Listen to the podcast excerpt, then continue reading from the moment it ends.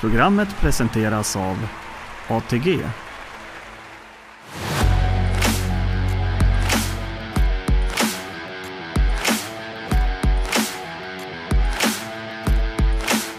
Hjärtligt välkomna ska ni vara till Hela potten, programmet som ska göra dig till en vinnare på Grand Slam 75.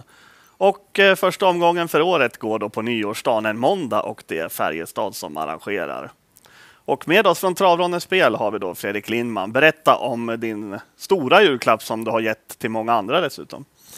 Uh, ja just det, det var några dagar innan julafton där som vi på, på köpa andel på mina andelslag där på Tillsammans uh, fick full pott på V86 där. Det var några dagar innan julafton. Det blev väldigt många andelsköpare som fick dela på väldigt mycket, mycket pengar. Det var många miljoner, så det, var, det var väldigt roligt. Så formen kan inte bli annat än på topp? Jag tror att formen kan inte gå annat än neråt, men eh, nej, formen verkar vara fortsatt på topp, absolut. Man brukar ju spela bäst när man är i flow ett, tag i alla fall. Så är det, absolut. Och omgången till Färjestad, hur ser vi på den?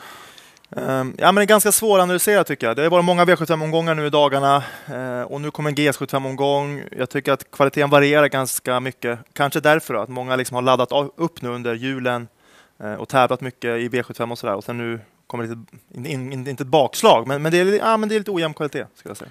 Och det stora plusset borde ju vara att ytterst få orkar analysera den här omgången. Verkligen, framförallt när det kommer här dagen efter nyårsafton, där var den stora V75-omgången eh, som var där. Så att, eh, absolut, vi har mycket att vinna eh, för att vi är så pålästa här. Och Färjestadstravet, vad är speciellt med den banan? Vi brukar nämna att upploppet är kort. Det är det framförallt det. Täthästarna gynnas väldigt mycket. Det är svårt att komma framförallt bakifrån genom sista sväng. Ehm, det är framförallt det. Kort upplopp. Kanske också gynna hästar som har en bit spår 3, 4, 5 bakom bilen. Kanske inte optimalt med innerspår just då. Och du har ju synat den här omgången väldigt eh, noga och hittat mm. en urstark spik.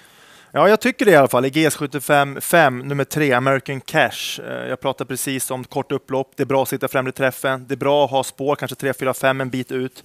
American Cash har allt det här. Han kommer från en spetsseger. Väldigt gynnad av att gå i ledning. Jag tror han tar spets igen och jag tror att han vinner därifrån. Det låter inte som de mörka moln på himlen där. Nej, eftersom jag är övertygad om att han tar ledning så är det också toppchans. Hästen har ju strulat en del tidigare och som jag sa är väldigt gynnad av att gå i ledning. Får han inte spets så blir det säkert svårare. Eh, men eftersom jag är ganska övertygad om att han når ledning så tror jag också att det är en toppchans. Och ingen stor galopprisk? Eh, nej, inte alltså, från, från början och när han väl kommer till ledning. Det är när han har varit bakom hästar som det har strulat en del och galopperat. Men, men från start och väl i ledning så tror jag att han är, är som ett lås. Perfekt. Och sen har du hittat eh, två Grand Slam-hästar som ska göra oss till helst miljonärer igen då? Eh, jajamensan. Berätta om din första. Mm, G754, nummer fem, Mr Birdman. Jag har faktiskt väntat på att den hästen ska komma i sån här härlig toppform igen och det visar han senast att han har hittat nu. Och upplägget därifrån? Ja, normalt sett är han ju startsnabb och trivs bäst i främre träffen. Därför var jag lite chockad när han vann senast efter att ha gått ut i spåren så här till slut. Eh, det är lite olikt honom, men det var också tecken på den toppform som han har kommit in nu. Eh, nu är det spår fem bakom bilen, eh, kort distans. Helt perfekt. Den här hästen sprang en 11 tid i, i somras här, vilket de andra i loppet inte riktigt har mäktat med än. Så att, nej, Mr Birdman står sig väldigt bra här. Och kusken passar bra? Petter Karlsson passar väldigt bra på Mr Birdman. Petter Karlsson passar på de, bästa, på de flesta hästar. Han är väldigt bra. Låter som ett väldigt bra drag. Och ditt andra, är det minst lika bra?